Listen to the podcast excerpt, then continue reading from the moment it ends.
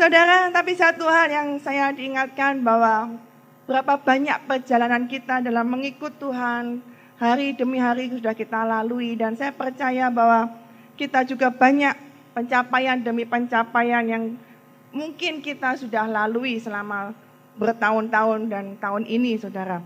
Kita akan lihat dalam kitab Wahyu pasal yang kedua. Ya, ayat yang favorit mungkin kita juga sudah hafal. Wahyu pasal yang kedua, kita akan baca bersama-sama dari ayat yang pertama sampai ayat yang kelima, saudara. Sudah siap katakan amin? Ya amin, slide-nya sudah siap. Ya. Wahyu pasal yang kedua ayat yang pertama sampai ayat yang kelima kita baca sama-sama satu dua tiga. Tuliskanlah kepada malaikat jemaat di Efesus.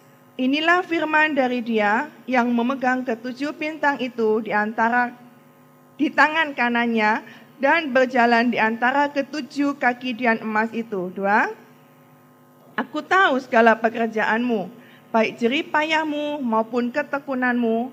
Aku tahu bahwa engkau tidak dapat sabar terhadap orang-orang jahat, bahwa engkau telah mencobai mereka yang menyebut dirinya rasul, tetapi yang sebenarnya tidak demikian, bahwa engkau telah mendapati mereka pendusta. Tiga, dan engkau tetap sabar dan menderita oleh karena namaku, dan engkau tidak mengenal lelah. Empat, namun demikian aku mencela engkau, karena engkau telah meninggalkan kasihmu yang semula. Lima. Sebab itu, ingatlah betapa dalamnya engkau telah jatuh. Bertobatlah dan lakukanlah lagi apa yang semula engkau lakukan. Jika tidak demikian, aku akan datang kepadamu dan akan mengambil kaki dianmu dari tempatnya jikalau engkau tidak bertobat. Saudara, ayat ini ya sering kita dengar saudara. Jangan kau kehilangan kasihmu yang semula ya. Hari ini kita belajar saudara bagaimana kita ya ternyata kejatuhan seorang anak Tuhan atau kejatuhan seorang hamba Tuhan, kejatuhan pengikut Kristus itu bukan hanya dia melakukan suatu dosa, Saudara. Suatu dosa, perjinahan, pencurian, ya, dosa-dosa pembunuhan, saudara, dosa lari jauh dari Tuhan, lari murtad, saudara. Tetapi, saudara, kejatuhan seorang anak Tuhan, hamba Tuhan kita semuanya, saudara, yang juga tidak kalah pentingnya yang perlu kita waspadai adalah apa? Meninggalkan kasih yang mula-mula, saudara. Kejatuhan yang tidak kelihatan, tetapi bisa membawa kita kehilangan kemuliaan Tuhan, saudara. Kehilangan kasih yang mula-mula. Saudara, kehilangan kasih yang mula-mula, di sini dikatakan bahwa betapa dalamnya engkau telah jatuh. Betapa dalamnya engkau telah jatuh, saudara.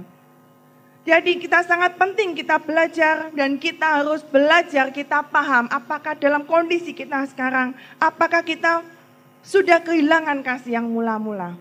Kalau dalam kitab Efesus ini, kalau kita lihat teliti dari ayat yang sudah kita baca tadi, mereka bukanlah orang yang tidak mengenal Kristus. Mereka adalah orang-orang percaya, mereka orang-orang yang luar biasa.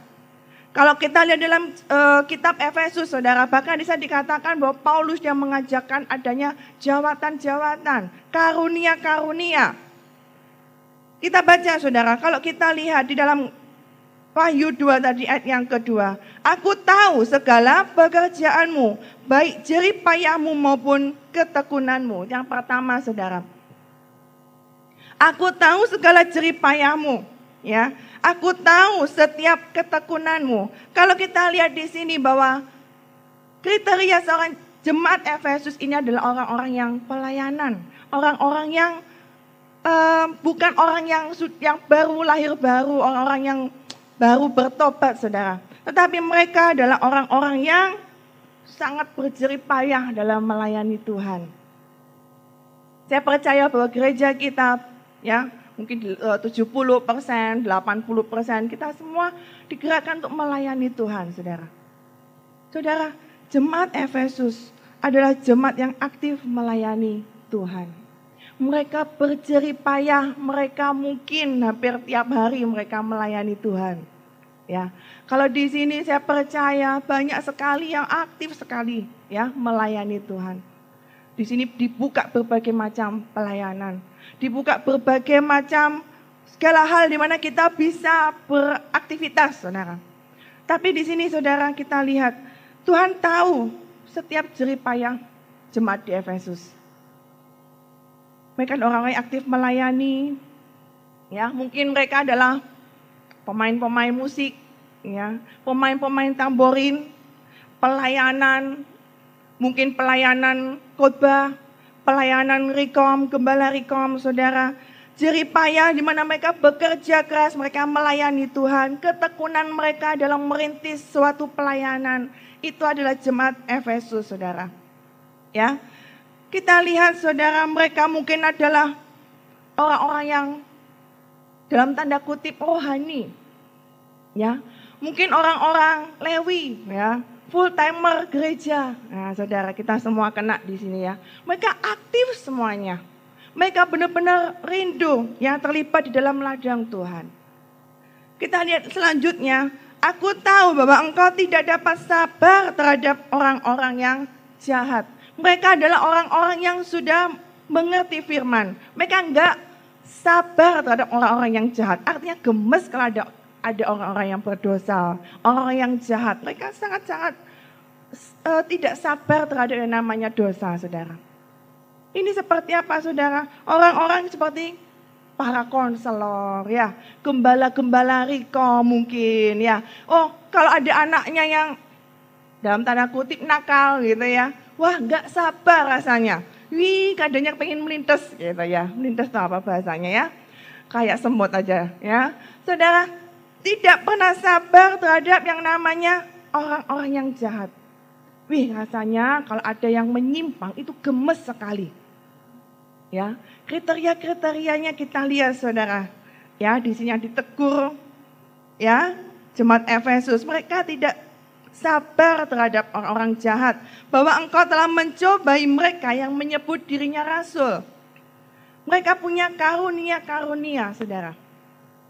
Ya, mereka yang menyebut dirinya rasul. Wah, bahkan dia bisa ngerti, oh kamu tuh rasul palsu, kamu tuh nabi palsu. Mereka punya karunia-karunia. Mereka orang-orang yang luar biasa, saudara. Ya, bahkan kalau kita lihat di sini, saudara, bahwa engkau telah mencobai mereka yang menyebut dirinya rasul, tetap yang sebenarnya tidak demikian. Mereka punya karunia pembedaan roh, ya. Bahwa engkau telah mendapati mereka pendusta, dan engkau tetap sabar dan menderita oleh karena namaku. Saudara, mereka adalah orang-orang, ya, yang sabar menderita karena nama Tuhan.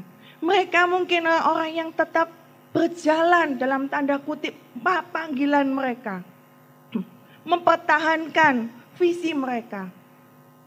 Bahkan mereka rela menderita demi Tuhan, meninggalkan keluarga mereka. Aku mau ikut Tuhan, gitu ya. Saudara, mereka rela menderita, mereka rela dalam tanda kutip memikul salib Kristus dalam hidup mereka, ya. Kalau kita lihat lagi, engkau tidak mengenal lelah. Mereka sungguh-sungguh kalau kita lihat ayat yang pertama itu ya, seperti kalau teguran itu awalnya ditinggi-tinggikan dulu ya. Pernah nggak sama di sini yang kalau mau negur orang itu dipuji-puji dulu ya. Weh kamu tuh lo cantik, kamu tuh baik hati gitu ya. Terus kita tunggu-tunggu ya. Ketika biasanya orang memuji-muji itu kita tunggu-tunggu ada tapi gitu ya. Ada tapinya apa enggak gitu ya. Kita tunggu. Lalu ada tapinya enggak gitu ya. Kalau enggak ada tapinya puji Tuhan gitu ya. Kalau ada orang yang muji-muji gitu ya, terus tiba-tiba ada tapi, nah itu enggak enak saudara ya. Pertama dipuji-puji dulu, eh engkau tuh luar biasa, engkau aktif melayani Tuhan, engkau rela menderita demi Kristus, engkau tidak mengenal lelah, wah karuniamu luar biasa. Tapi di sini ada suatu teguran buat mereka. Namun aku mencela engkau karena engkau telah kehilangan kasihmu yang semula. Saudara, kalau kita lihat ini yang perlu kita renungkan untuk perjalanan gereja kita. Kita percaya bahwa kita adalah gereja yang ya mungkin kita seperti ini saudara. Kita aktif pelayanan saudara. Wow ada yang aktif ya Gembala Rikom, ada yang aktif pelayanan drama, wah aktivis luar biasa saudara. Kita semuanya kita belajar, kita melayani Tuhan. Bahkan kita juga punya kerinduan banyak hal, kerinduan Tuhan yang Tuhan mau kita kerjakan. Ya, bahkan Tuhan juga sudah menyertai kita, saudara. Banyak pelayanan-pelayanan, banyak visi-visi, voice-voice yang kita sedang kerjakan, saudara. Tujuh voice yang kita kerjakan. Kita kerjakan uh, sekolah, kita kerjakan, kita apa? Mulai berkembang gudang kostum gitu ya. Mulai berkembang apalagi banyak hal dan akan ada banyak perintisan-perintisan. Kita mau buat panti asuhan ya. Kita buat banyak hal saudara. Bahkan di penggembalaan kita juga banyak rekom-rekom. Kita banyak KTP-KTP saudara. Kita belajar, kita juga tekankan ke tiap-tiap kita teman-teman kita, diri kita sendiri, anak-anak rekom kita belajar mengenali panggilan. Ayo kita belajar mengerjakan panggilan. Bahkan ada juga yang rela meninggalkan semuanya bayar harga demi Tuhan, saudara. Tapi Tuhan mau ingatkan kepada kita bahwa setiap panggilan, setiap visi Tuhan yang Tuhan berikan buat kita, saudara harus kita kerjakan dengan kasih mula-mula yang bertumbuh, saudara. Apa saudara? Kasih mula-mula yang bertumbuh. Ya. Saudara, kasih mula-mula yang bertumbuh. Saudara, apa yang kita kerjakan tidak salah, tidak ada yang salah, saudara.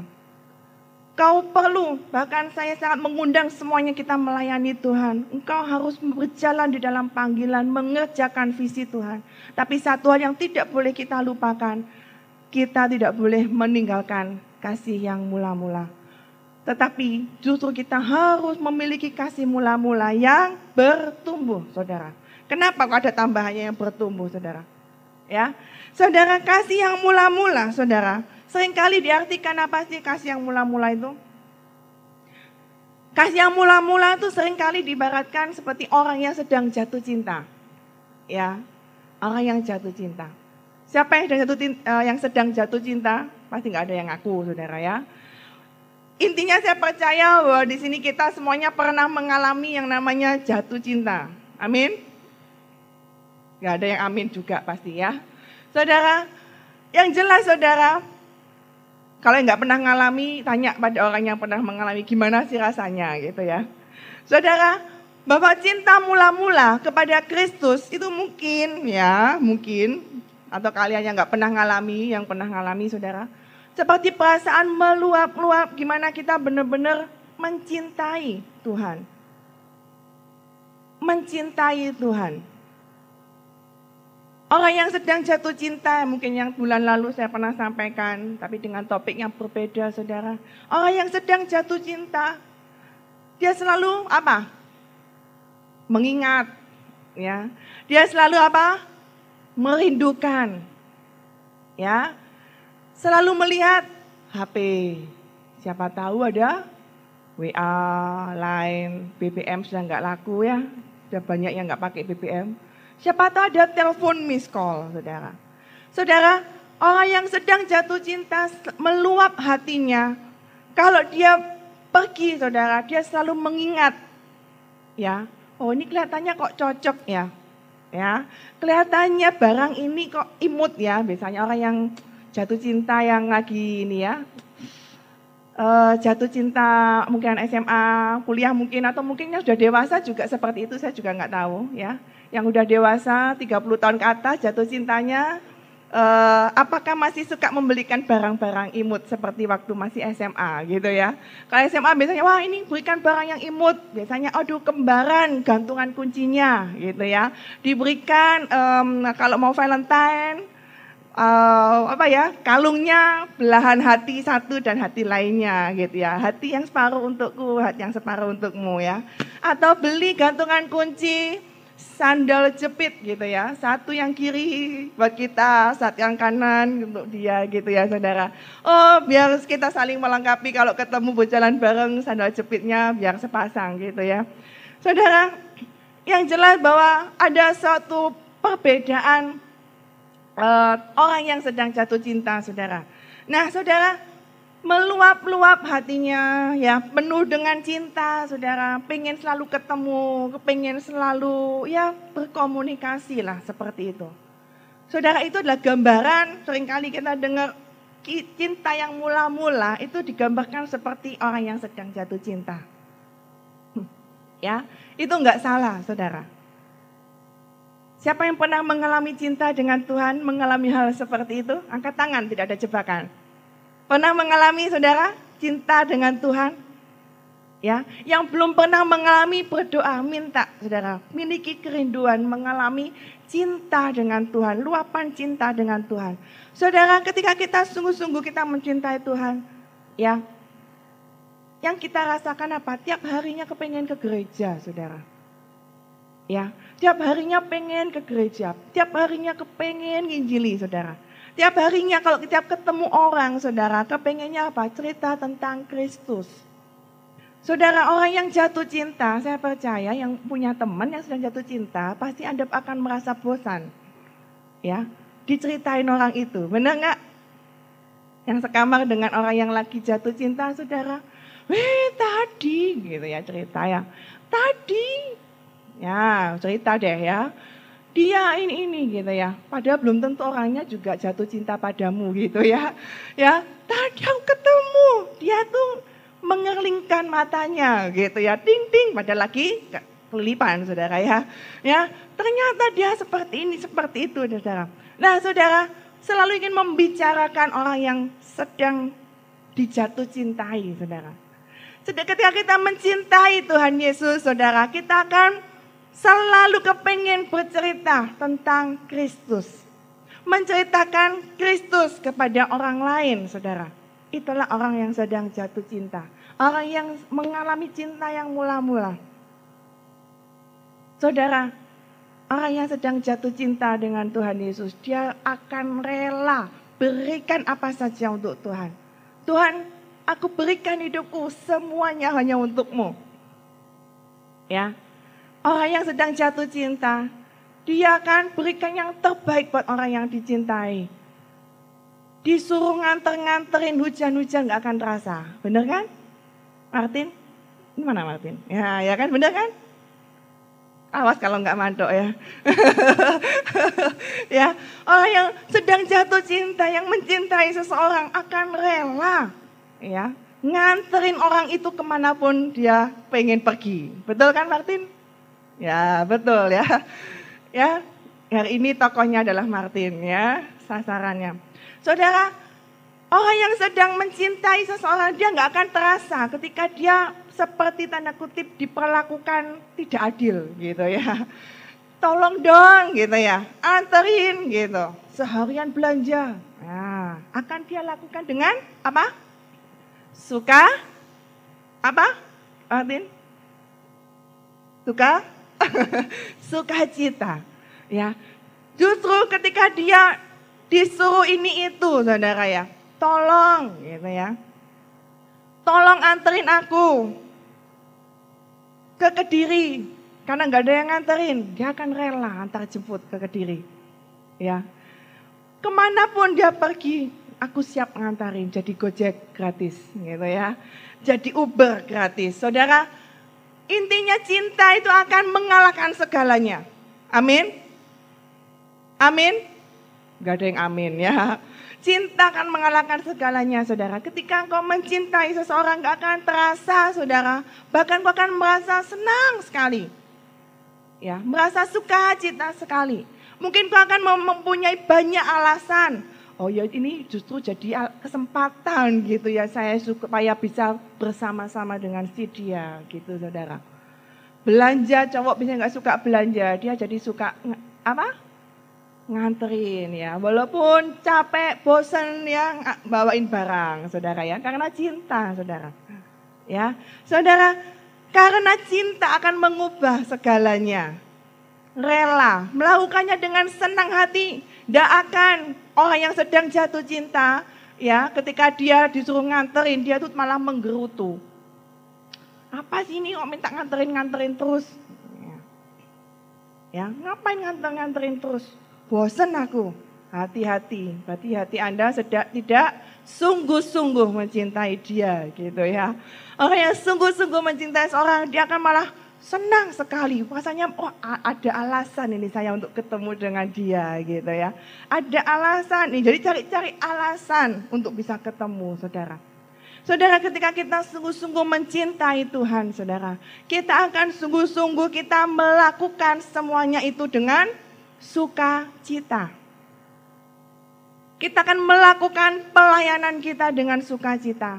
Kita akan melakukan panggilan kita dengan sukacita. Kita akan melakukan visi yang Tuhan berikan itu dengan sukacita, saudara. Amin. Amin. Ya, saudara, ini adalah suatu perjalanan cinta kita dengan Tuhan. Ini adalah suatu perjalanan cinta kita dengan Tuhan. Tahun demi tahun berlalu, saudara. Tetapi cinta kita kepada Tuhan yang dulu tadi saya tanyakan pernah, ya saya nggak enak kalau ngomong dulu pernah ini, apakah kita sekarang juga saya mau yang akan saya nanti akan lanjutkan. Yang dulu pernah mengalami cinta yang mula-mula, yang pernah jatuh cinta dengan Tuhan, saudara. Apakah itu cinta kita bertumbuh, saudara? Cinta kita kepada Tuhan apakah bertumbuh? Ya, dulu saya pernah uh, dengar ya, seorang hamba Tuhan juga yang berkata bahwa saya nggak setuju dengan yang namanya kembali kepada cinta yang mula-mula. Kembali kepada cinta yang mula-mula. Ya, justru dia berkata, dulu saya waktu menikah dengan istri saya gitu ya.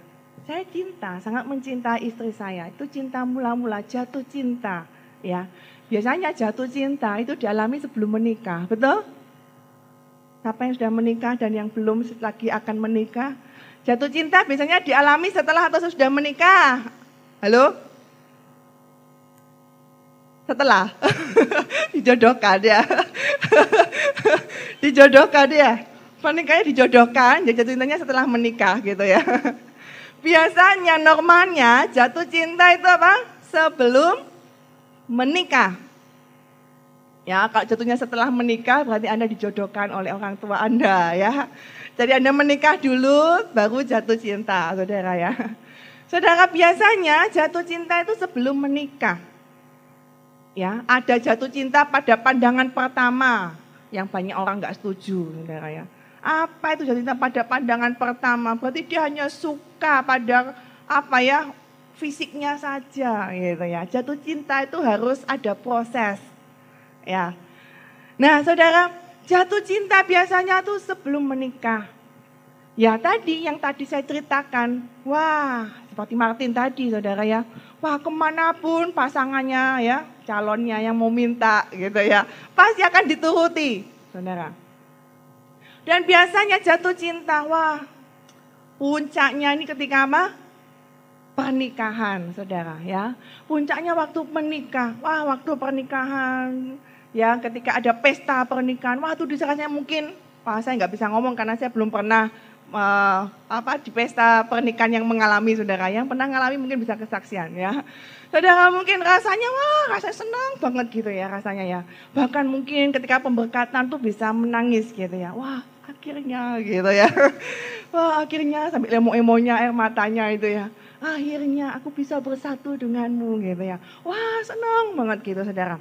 Nah, saudara, cinta itu akan bertumbuh, saudara.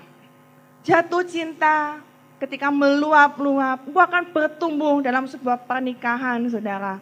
Ya, tetapi saudara, cinta dunia, kalau jika engkau memiliki cinta yang dari dunia, jatuh cinta yang penuh luapan emosi, penuh dengan um, sukacita, penuh dengan pengorbanan ketika engkau setelah kau menikah, saudara, apakah bisa bertahan dan meningkat, saudara? Cinta kita. Oh, waktu meningkat ya, istrinya hamil ya, apa pun yang kau minta, engkau nyidam apa akan aku berikan, ya. Akhirnya malam-malam istrinya minta pencet, dia akan curi itu mangga tetangga gitu ya. Saudara, apa pun akan dilakukan gitu saudara. Karena cinta saudara. Ya, nah kita akan lihat dalam pernikahan di dunia saudara. Cinta itu harusnya mulai bertambah. Ini bukan khotbah tentang keluarga pernikahan, tetapi ini identik bagaimana kita mencintai Tuhan, saudara. Ya bahwa apa? Cinta itu harus bertambah. Seperti hamba Tuhan ini dia berkata saudara saya sudah 11 tahun saya menikah dengan istri saya. Dan cinta saya kepada istri saya lebih dari ketika saya jatuh cinta pertama kali dengan dia. So sweet ya saudara cinta itu akan bertambah cinta manusia itu bisa bertambah saudara bahwa apa Jangan sampai ketika cinta dunia, kalau kita lihat dalam keluarga-keluarga yang nggak sungguh-sungguh, saudara. Apa? Menikah hanya karena target usia, saudara. Ya, nggak sungguh-sungguh cinta menikah, pokoknya karena target usia supaya dipandang sudah menikah. Nggak sungguh-sungguh cinta. Akhirnya setelah menikah tengkar terus, saudara. Ya, nggak sungguh-sungguh cinta, ya. Nah, saudara, cintanya malah mulai pudar. Ya, itu akhirnya belajar mencintai, ya. Jatuh cinta setelah menikah, belajar mencintai, berusaha mencintai, Saudara. Ini akan sangat merusak dalam kehidupan kita.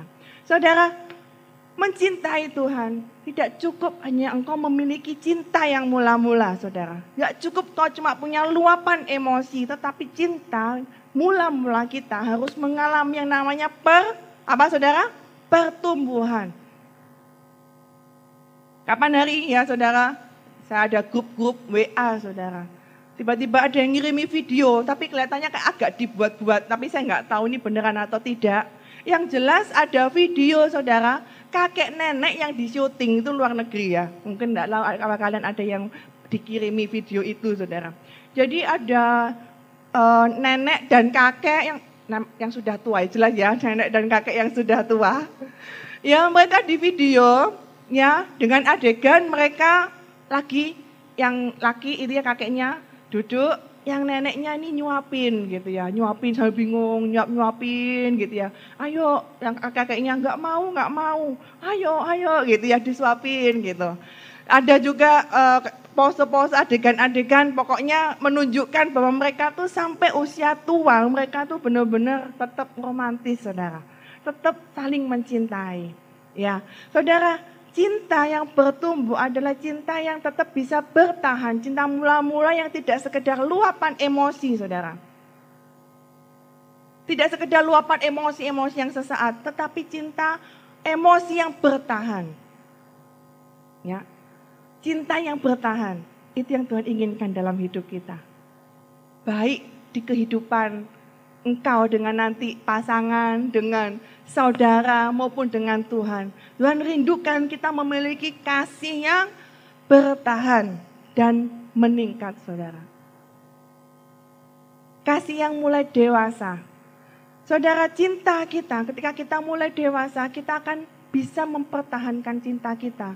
Dan kita akan tetap bisa menjalaninya dengan sukacita. Saudara ini yang Tuhan rindukan dalam hidup kita, dalam perjalanan gereja kita menuju tanah kanaan, menuju tanah perjanjian kita. Jangan sampai saudara kelihatannya kita menghasilkan banyak hal. Kelihatannya mungkin jemaat kita mungkin akan bertambah ribuan. Kelihatannya sekolah kita mungkin tambah besar. Panti asuhan muncul, banyak yang mulai pekerja-pekerja. Tetapi saudara, jika kita tidak memiliki kasih saudara. Kasih yang mulai hambar, semuanya adalah sia-sia. Tuhan katakan betapa dalamnya engkau telah jatuh jika engkau telah kehilangan kasihmu yang mula-mula. Jika kasih yang mula-mula yang bertumbuh itu tidak kita lakukan, bahkan sampai ke akhirnya nanti saudara kita menyelesaikan pertandingan kita nanti, semuanya akan terasa sia-sia saudara. Ciri-ciri orang yang telah kehilangan kasih yang mula-mula bisa kita koreksi dari diri kita. Apakah hati kita mulai terasa hambar saudara?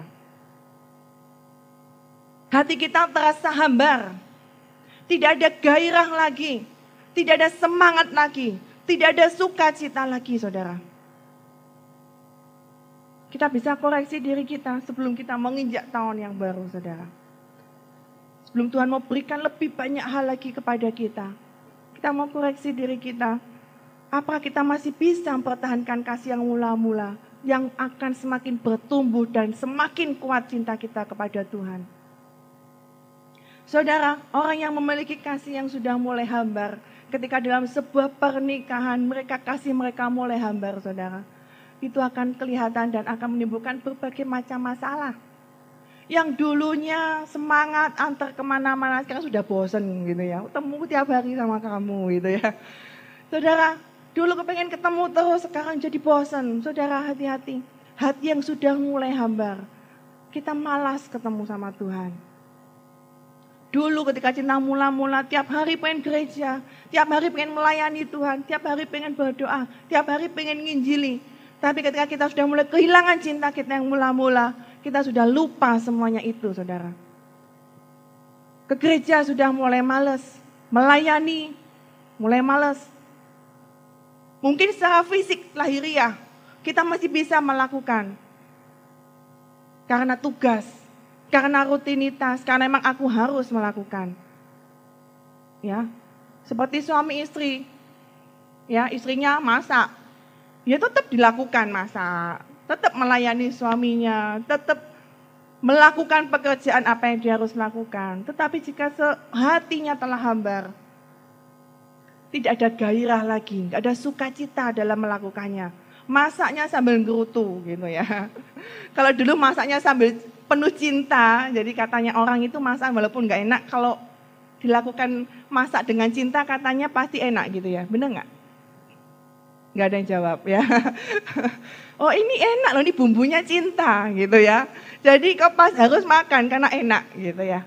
Saudara, dulu masaknya dengan cinta, tapi sekarang masaknya hambar. Kenapa? Sudah hatinya sudah mulai hambar, saudara. Melakukannya nggak penuh dengan sukacita. Saudara ketika kita melayani Tuhan, jemaat di Efesus ditegur karena apa? Mereka secara lahiriah, mereka luar biasa Secara kelihatannya mereka orang-orang yang luar rohani, orang yang luar biasa. Tetapi mereka tidak melakukan semuanya itu dengan cinta, dengan gairah, dengan sukacita. Mereka tetap saudara melayani jeripayah mereka luar biasa. Mereka juga berkorban luar biasa. Tetapi ternyata mereka telah jatuh saudara. Kita harus selalu ingat saudara, ini berlaku ya untuk kita semuanya. Bahkan saya juga saya juga koreksi, kadang saya melakukan sesuatu itu seperti kayak terpaksa. Ada beban, melakukannya dengan beban. Ya, saudara kalau ada kata-kata beban ini ada dua ada dua maksud ya. Kalau dulu gini, ada um, gembala Rikom yang tanya, kamu terbeban di mana? Hati-hati itu ya. Terbeban itu ada dua maksud. Terbeban itu punya hati dan yang terbeban satunya terbebani gitu ya. Terbebani, soro gitu ya. Jadi kalau bertanya yang kau terbeban di mana harus jelas gitu ya. Engkau terbeban di mana gitu. Artinya kau punya hati di mana gitu aja ya. Engkau terbeban itu terbebani ya. Jadi beban, pelayanan jadi beban, tugas segala satu jadi beban. Saudara, kita mungkin Secara lahiriah kita aktif melayani, mengerjakan visi Tuhan. Tapi dalam sehari-hari pasti banyak tantangan demi tantangan yang kita hadapi. Mungkin kita akan mulai merasa bosan. Ya, kita mulai menghadapi banyak tantangan demi tantangan. Di sinilah kita mulai diuji. Apa kita masih bisa mempertahankan kasih kita yang mula-mula. Bahkan bertumbuh menjadi cinta yang dewasa. Cinta yang kuat yang tidak akan pernah digeser oleh apa pun, saudara. Di sini kita rindu, saudara, kita memiliki kasih yang kekal, ya. Walaupun itu tidak akan pernah bisa tanpa Kristus yang memberikan buat kita. Dan saudara, cinta itu saudara tidak akan pernah bisa dipaksakan. Tidak bisa saudara setelah ini tiba-tiba engkau pulang. Tiba-tiba engkau memaksakan, Tuhan aku cinta, pokoknya aku cinta padamu, Tuhan aku cinta padamu gitu ya. Gak bisa saudara. Seperti engkau cinta pada manusia, kau juga gak pernah bisa dipaksa. Betul? Makanya itu ada namanya penolakan ya. Engkau ditolak, engkau menolak orang lain. Karena apa? Cinta nggak pernah bisa dipaksa. Kau juga nggak pernah bisa memaksa orang untuk mencintai kita, saudara. Demikian juga dengan Tuhan, saudara. Kita nggak bisa memaksa diri kita. Kita kayak memaksakan diri kita. Aku mau cinta, aku mau cinta. Sambil ngomong, aku pokoknya mau cinta Tuhan. Gak bisa, saudara, kita memaksakan. Ya, kita memaksa, aku cinta Tuhan. Yaudah, mari gini aku mau cinta Tuhan, gitu ya. Gak bisa, saudara. Cinta gak bisa dipaksakan. Cinta, sumber dari cinta itu adalah Yesus sendiri. Jika kita nggak pernah merasakan kasih Kristus dalam hidup kita, saya percaya kita nggak akan pernah mengalami kasih yang sejati, saudara. Jika kita nggak pernah mengalami kasih Kristus dalam hidup kita, kita nggak akan pernah bisa mengasihi orang lain. Dan jika kita mencintai seseorang tanpa kasih Kristus, maka cinta kita itu bukan cinta yang murni, Saudara kita belajar ya. Kita menerima kasih Kristus. Sudahkah kita berdamai dengan Kristus? Menerima, Tuhan aku menerima kasih-Mu. Dan biarkan kasih Kristus yang memenuhi hati kita, memenuhi hidup kita, sehingga kita akan memiliki kasih Kristus dalam hidup kita, sehingga kita bisa mengasihi Kristus mengasihi manusia, mengasihi jiwa-jiwa, saudara. Mengasihi jiwa-jiwa juga nggak bisa dipaksa, saudara. Ketika gembala Rikom atau gembala KTP ngomong ke anaknya, ayo kau harus mengasihi jiwa-jiwa, kasihi temanmu. Nggak bisa, saudara. Jika dia nggak pernah mengalami kasih Kristus dalam hidupnya, jika dia tidak membiarkan Yesus bertata dalam hidupnya, maka kasih Kristus akan mengalir dalam dirinya untuk dia bisa mengasihi orang lain. Karena itu saudara, Yesus adalah sumber dari kasih. Dan karena Yesus sumber dari kasih, saudara, bagaimana kita bisa menerima kasih Kristus? Kita harus terbuka, kita harus mau menerima. Tuhan, aku mau terima. Aku mau terima. Dan itu butuh respon kita. Itu butuh respon kita, saudara. Mau atau tidak? Ada orang tertentu, saudara, yang memiliki ke, ke, ke, keterlukaan, memiliki kekecewaan, dia nggak akan pernah bisa menerima kasih, saudara. Ada satu penolakan, aku nggak mau terima kasih. Ada nggak engkau punya teman yang engkau selalu, uh, orang itu selalu menolak ketika engkau memberi sesuatu misalnya. Ya, ketika engkau punya makanan lebih, kau kasih dia, enggak, enggak, enggak, enggak, enggak, gitu ya. Ketika engkau memberikan, pengen berikan hadiah buat dia, dia menolak, nggak mau. Ada apa? Ada sesuatu. Mungkin dia merasa apa? Curiga, saudara. Dia nggak pernah bisa menerima kasih dari orang lain. Nggak pernah bisa menerima pemberian dari orang lain. Orang yang seperti ini nggak bisa menerima kasih Kristus. Dia harus membiarkan dirinya, Tuhan aku mau terima. Ya, dia aku mau terima kasih Kristus. Butuh pemulihan, saudara. Saudara kita butuh menerima kasih Kristus. Supaya kasih Kristus mengalir dalam hati kita. Dan itu akan membuat apa? Kita bisa mengasihi Yesus. Kasih kita tidak hambar saudara. Dan saudara bagaimana kita bisa menerima kasih Kristus? Yang kedua adalah butuh yang namanya membangun suatu hubungan. Ya, tadi saya katakan di depan bahwa jatuh cinta itu nggak bisa tiba-tiba ya jatuh cinta pada pandangan pertama banyak nggak setuju kan ya tiba-tiba langsung ting gitu ya kayak di film sinetron kalau seperti itu ya.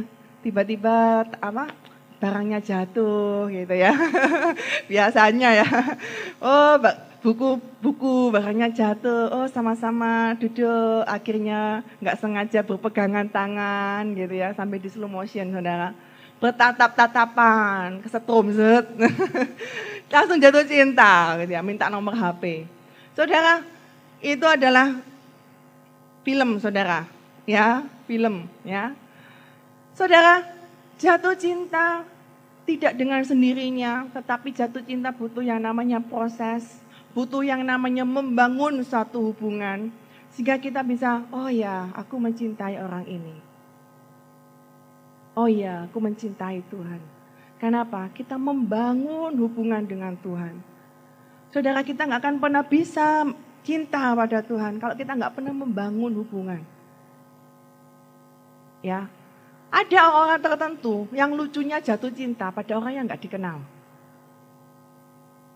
Ya, ada remaja-remaja yang dia bilang, aku jatuh cinta pada bintang film siapa gitu saudara. Wah dia cantik sekali, aku selalu bermimpi tentang dia, aku mencintainya gitu ya. Saudara, itu bukan cinta, saudara. Cinta tidak bisa kita mencintai seseorang yang tidak kita kenal. Tidak pernah ketemu, nggak pernah komunikasi, tiba-tiba engkau cinta, saudara. Ya, Bahkan orang yang dijodohkan aja, dia butuh apa? Pendekatan gitu ya. Oh ya, dikenalin dulu ya. Oke, kenalan dulu. Coba ya kenalan dulu, tahu ngobrol dulu, berapa bulan ketemuan dulu. Jangan cepat-cepat jadian menikah selalu ya. Butuh proses, saudara. Butuh waktu untuk kita mengenal seseorang. Untuk kita benar-benar kita tahu pribadinya seperti apa. Demikian juga kita dengan Tuhan. Kalau kita nggak pernah membangun hubungan kita dengan Tuhan, bagaimana kita bisa mencintai Tuhan? Yang pertama kasih datang dari Tuhan, tapi butuh juga dari kita bahwa kita mau terima kasih Kristus dan kita membangun hubungan dengan Kristus. Kenapa sih orang kehilangan cinta yang mula-mula? Kenapa hatinya mulai hambar? Bisa penyebabnya karena hubungannya dengan Tuhan sudah mulai renggang, saudara. Sehingga hati kita mulai terasa hambar. Hati kita mulai dingin, saudara. Seperti jemaat di Laodikia ditegur. Engkau tidak panas dan tidak dingin, kau suam-suam. Maka akan memuntahkan engkau, karena engkau tidak panas atau tidak dingin. Saudara, kita mau belajar, kita sungguh-sungguh kepada Tuhan. Kita kembali lagi memiliki cinta kita kepada Tuhan. Bangun hubungan dengan Tuhan. Ketika seorang membangun hubungan dengan Tuhan, maka saya percaya bahwa kasih kita akan mulai bertambah. Hamba Tuhan ini berkata, saudara, ya. Dulu saya cinta, jatuh cinta dengan istri saya. Tetapi semakin hari saya semakin mencintai dia. Saya semakin mengenal dia. Saya semakin mengerti dia. Kami mengalami suka dan duka bersama. Itu yang membuat kami semakin dekat. Saudara, ketika engkau dengan Tuhan, engkau semakin mengerti Tuhan, engkau semakin mengenal Kristus, engkau mengalami suka dan duka bersama dengan Kristus, saudara, maka engkau cintamu akan semakin bertumbuh, saudara. Cintamu akan semakin berkembang. Ya, Dulu saya pernah ada suatu khotbah tentang pernikahan. Ya ini mari gini jangan mari gini semuanya jadi langsung kepengen menikah ya. ya karena banyak topik cinta saudara. Saudara uh, pernah saya dalam uh, sebuah ibadah ada hamba Tuhan ya yang dia ternyata juga konselor pernikahan. Saya mungkin pernah khotbahkan ini di beberapa tahun yang lalu saudara ya. Bahwa cinta manusia itu walaupun engkau sesama uh, maksudnya pasangan saudara itu nggak akan pernah engkau memiliki cinta yang 100%. Ya. Jadi cinta antar manusia, cinta manusia itu tidak mungkin 100%. Baik cintamu kepada orang tua, cintamu kepada anak, cintamu kepada pasangan, kepada saudara, teman saudara, itu nggak bisa 100% dari kapasitas hati, dari cintamu, itu nggak mungkin 100%. Mungkin biasanya cintamu adalah mungkin 20%. Sehingga cinta manusia itu sebenarnya masih bisa bertumbuh. Walaupun engkau dulu jatuh cinta, engkau meluap-luap dengan cinta, itu pun masih 20%, 25% saudara. Cinta pada orang tua pun itu masih berapa persen saudara. Dan cinta itu akan bisa makin bertumbuh, cinta manusia itu bisa bertumbuh. Ya, tetapi jika cinta Tuhan itu sudah 100%. Ya, cinta Tuhan, kasih Tuhan itu sudah 100%. Jadi nggak mungkin kita bisa ngomong sama Tuhan, Tuhan cintai aku lebih lagi, lebih lagi Tuhan cintai aku. Gak bisa. Karena Tuhan sudah mencintai kita full 100%. Sudah Tuhan berikan buat kita. Tetapi cinta kita kepada Tuhan itu masih bisa bertumbuh saudara. Itu yang perlu kita sadari bahwa Tuhan aku mau mencintai, belajar dan cinta kita yang bisa bertumbuh jika kasih Kristus semakin memenuhi hidup kita. Kita bisa menerima kasih Kristus. Seringkali kita menolak kasih Kristus. Kita nggak bisa mengingat kasih Kristus dalam hidup kita. Saudara, apa pun yang kita lakukan tanpa cinta, semuanya adalah sia-sia, saudara. Ketika kita mau nanti membangun ya Salah satu bagian yang akan mendukung gereja juga panti asuhan, saudara. Kita sedang berdoa akan didirikannya panti asuhan, saudara. Kita rindu bahwa apa pun yang kita lakukan, panti asuhan ini kita lakukan dengan hati yang sukacita, dengan hati yang bergelora, hati yang penuh dengan gairah. Ya, bahwa apa? Kita rindu menampung anak-anak yang akhirnya kita rawat untuk sungguh-sungguh mereka mencintai Tuhan. Karena kasih kita, saudara. Enggak cukup, saudara. Cuman kita apa ya, kunjungan ke panti asuhan itu baik, saudara. Tapi kita rindu melakukan sesuatu yang lebih. Saudara, pendidikan, kesehatan, semuanya Tuhan rindu kita lakukan dengan cinta, saudara. Kenapa? Saya sering, saudara, saya juga sering diingatkan bahwa dalam keseharian saya, saya ngerjakan visi Tuhan, saya lakukan visi Tuhan. Tetapi sering kali saya juga lupa bahwa hati kita harus berkobar, saudara. Seringkali kita melakukan itu sebagai rutinitas. Pelayanan kita sebagai rutinitas karena jadwal, karena kita dijadwal. Tidak benar-benar kita bergairah. Ya, penjangkauan jiwa-jiwa, maharu mungkin ya. Itu karena Ya tiap tahun kita harus lakukan. Karena tiap tahun memang kita harus penjangkauan. Tapi enggak benar-benar ada suatu gairah dalam hati kita. Saudara, jika kita melakukan, mengalami hal seperti itu, maka firman Tuhan katakan hari ini, bertobatlah. Betapa dalamnya kita sudah jatuh jika kita kehilangan kasih yang mula-mula. Saudara, kita perlu bertobat bersama-sama. Jika hari-hari ini mungkin kita mengalami kehambaran, dalam melayani Tuhan. Kehambaran dalam kita datang ke gereja. Kehambaran dalam kita datang rekom. Kehambaran dalam kita datang satelit. Dalam datang PIC dan segala macam saudara. Program tidak salah. Acara tidak salah. Justru kita mungkin akan ada planning, ada program, ada ini dan segala macam saudara. Kita rindu dewasa muda juga mulai berkembang saudara tetapi jika semuanya itu dilakukan tanpa kasih kepada Tuhan, dengan gairah, dengan sukacita, saudara, semua yang kita lakukan itu sia-sia, saudara. Amin, saudara. Kita akan baca, saudara, ayat yang terakhir, ya, ayat yang terakhir. Efesus pasal yang ketiga, ayat yang ke-18. Sebelumnya, saudara, Ketika kita membangun suatu hubungan dengan Tuhan, ketika kita sungguh-sungguh kita membangun hubungan dengan Tuhan, kita mencintai Dia, saudara. Saudara tahu bahwa dari sanalah akan muncul yang namanya iman. Muncul yang namanya iman. Saudara, iman itu nggak gampang loh saudara munculnya. Ya, iman tuh percaya. Apakah saudara mudah percaya pada seseorang? Mudahkah saudara percaya pada seseorang, saudara? Susah, jujur saya susah percaya sama orang. Saya percaya kalian juga susah percaya pada seseorang.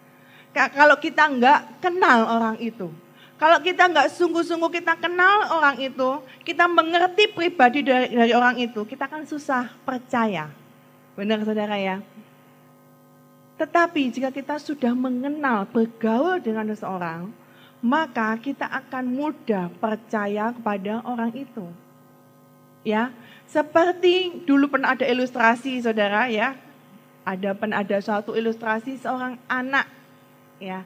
Seorang anak yang waktu itu ada sirkus ya. Ada seorang laki-laki yang dia berjalan di atas tali dan waktu itu laki-laki itu bertanya kepada audiens gitu ya. Siapa di sini uh, ketika dia berjalan di atas tali gitu ya. Ditepuk tangan, wih luar biasa. Ternyata bisa ya berjalan di atas tali. Kembali lagi, percaya bisa. Kalian semua percaya nggak kalau aku bisa berjalan di atas tali ini? Percaya gitu ya. Kemudian percaya nggak kalau saya bisa berjalan di atas tali ini dengan menggendong kalian?